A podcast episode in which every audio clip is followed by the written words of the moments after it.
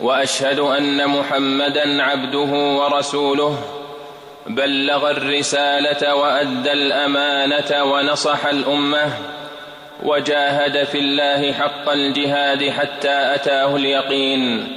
صلى الله عليه وعلى آله وأصحابه أجمعين. أما بعد فإن خير الحديث كلام الله. وخير الهدي هدي محمد بن عبد الله وشر الأمور محدثاتها وكل بدعة ضلالة وكل ضلالة في النار. عباد الله اتقوا الله فيما أمر وانتهوا عما نهى عنه وزجر. يا أيها الذين آمنوا اتقوا الله حق تقاته. ولا تموتن إلا وأنتم مسلمون.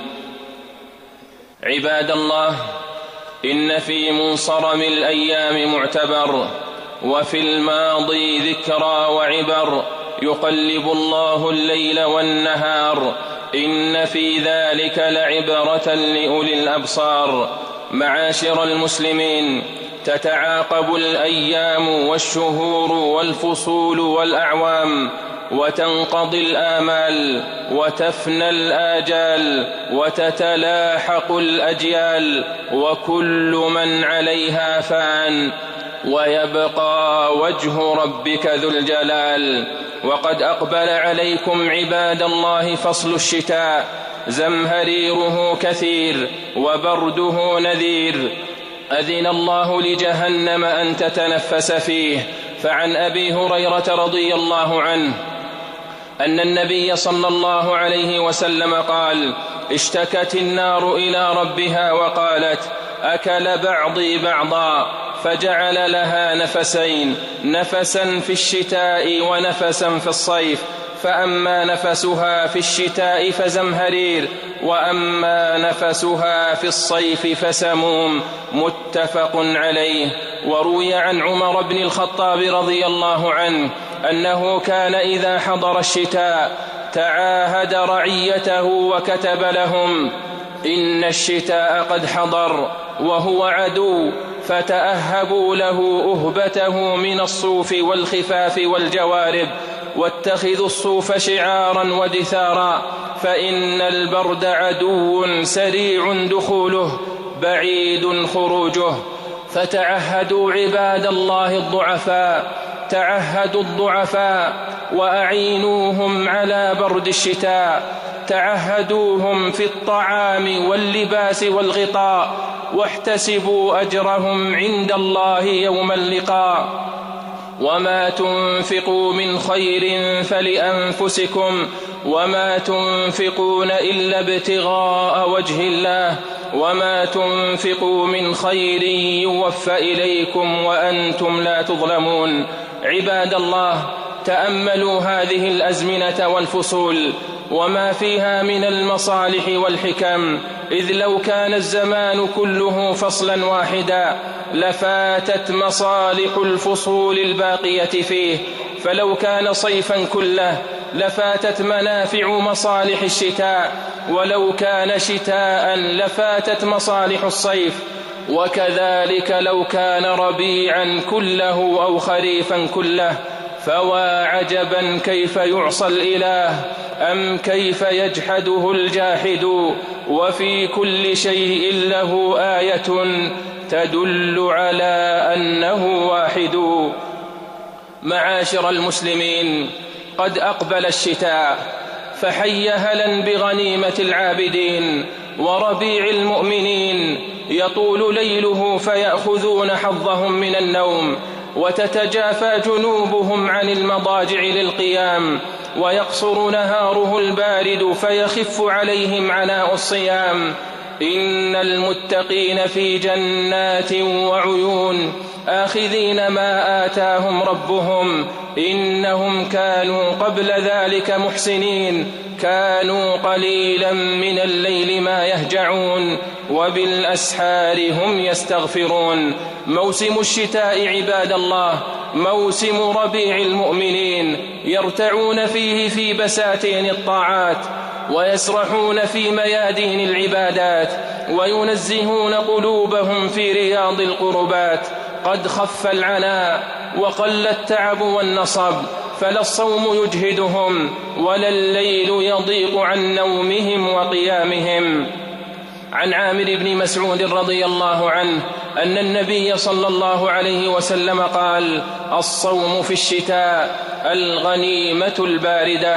رواه أحمد والترمذي. وعن عبد الله بن سلام رضي الله عنه قال لما قدم رسول الله صلى الله عليه وسلم المدينة انجفل الناس إليه فجئت في الناس لأنظر إليه فلما استبنت وجه رسول الله صلى الله عليه وسلم عرفت أن وجهه ليس بوجه كذاب وكان أول شيء تكلم به أن قال يا أيها الناس أفشوا السلام وأطعموا الطعام وصلوا بالليل والناس نيام تدخلوا الجنة بسلام. رواه أحمد والترمذي وصححه.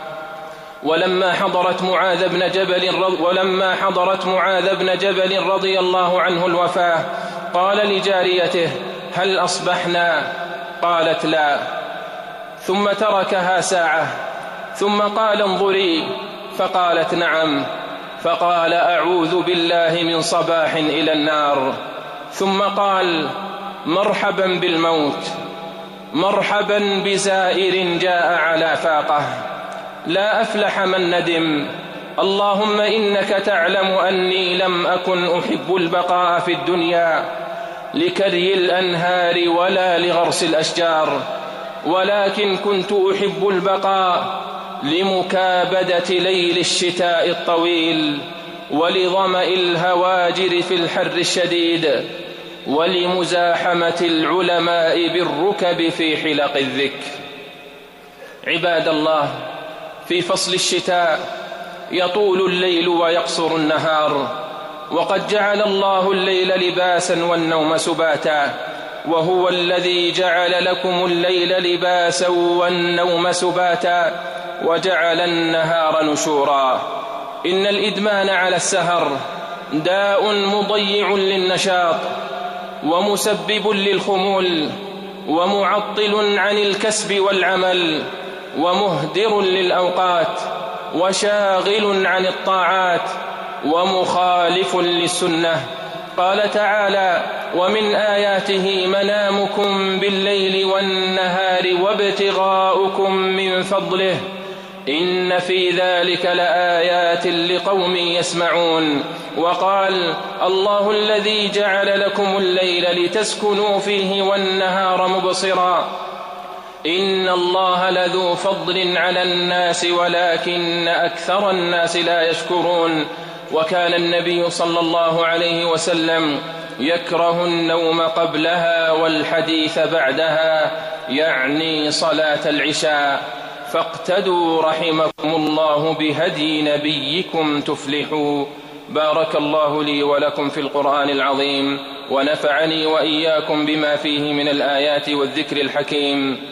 أقول ما تسمعون وأستغفر الله إنه كان غفارا.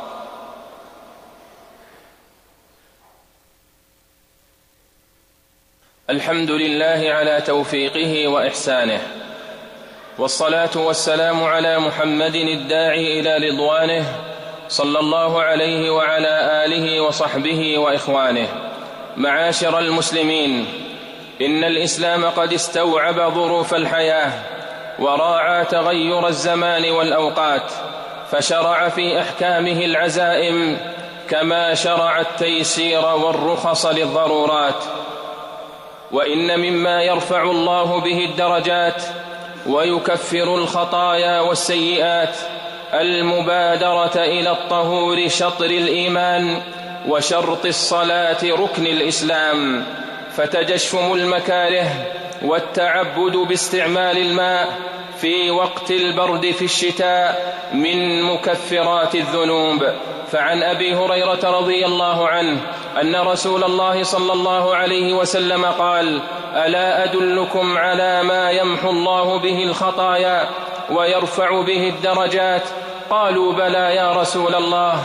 قال إسباغ الوضوء على المكاره وكثرة الخطى إلى المساجد وانتظار الصلاة بعد الصلاة فذلكم الرباط فذلكم الرباط رواه مسلم. عباد الله ومن مرونة الشريعة وحكمة الإسلام دين اليسر والسماحة التخفيف على الناس عند المشقة العارضة والضرر المحتمل.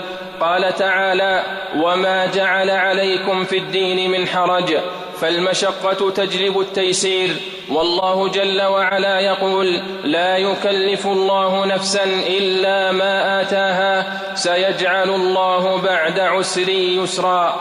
وقد شرع الإسلام الرخص عند الحرج والمشقة والضرورة ومن ذلك أن المريض وحتى الصحيح إذا خاف على نفسه من استعمال الماء شرع له التيمم بالتراب كما شرع, كما شرع للجريح المسح على الساتر والجبيرة. فعن جابر رضي الله عنه قال خرجنا في سفر فأصاب رجلا منا حجر فشجه في رأسه. ثم احتلم فسأل أصحابه فقال هل تجدون لي رخصة في التيمم؟ قالوا ما نجد لك رخصة وأنت تقدر على الماء. فاغتسل فمات. فلما قدمنا على النبي صلى الله عليه وسلم أخبر بذلك فقال ما لهم؟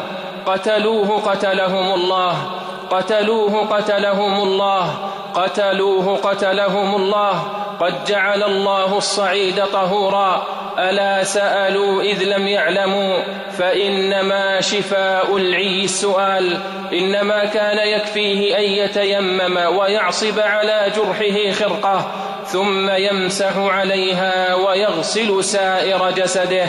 رواه أبو داود والحاكم وصححه ووافقه الذهبي.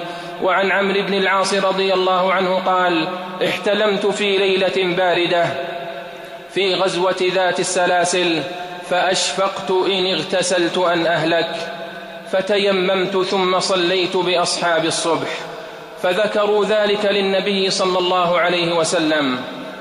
فقال يا عمرو صليت بأصحابك وأنت جنب فأخبرته بالذي منعني من الاغتسال وقلت إني سمعت الله يقول ولا تقتلوا أنفسكم إن الله كان بكم رحيما. فضحك رسول الله صلى الله عليه وسلم ولم يقل شيئا رواه أبو داود. اللهم أعز الإسلام والمسلمين اللهم أعز الإسلام والمسلمين وانصر عبادك الموحدين واجعل اللهم هذا البلد آمنا مطمئنا وسائر بلاد المسلمين. اللهم آمنا في أوطاننا وأصلح أئمتنا وولاة أمورنا. اللهم وفق ولي أمرنا خادم الحرمين الشريفين بتوفيقك. وأيده بتأييدك. اللهم وفقه وولي عهده لما تحب وترضى. يا سميع الدعاء. اللهم أنت الله لا إله إلا أنت. اللهم أنت الله لا إله إلا أنت. أنت الغني ونحن الفقراء. أنزل علينا الغيث ولا تجعلنا من القانطين. اللهم أنزل علينا الغيث ولا تجعلنا من القانطين. اللهم أغثنا اللهم أغثنا اللهم أغثنا غيثا هنيئا مريئا سحا غدقا نافعا مجللا غير ضار.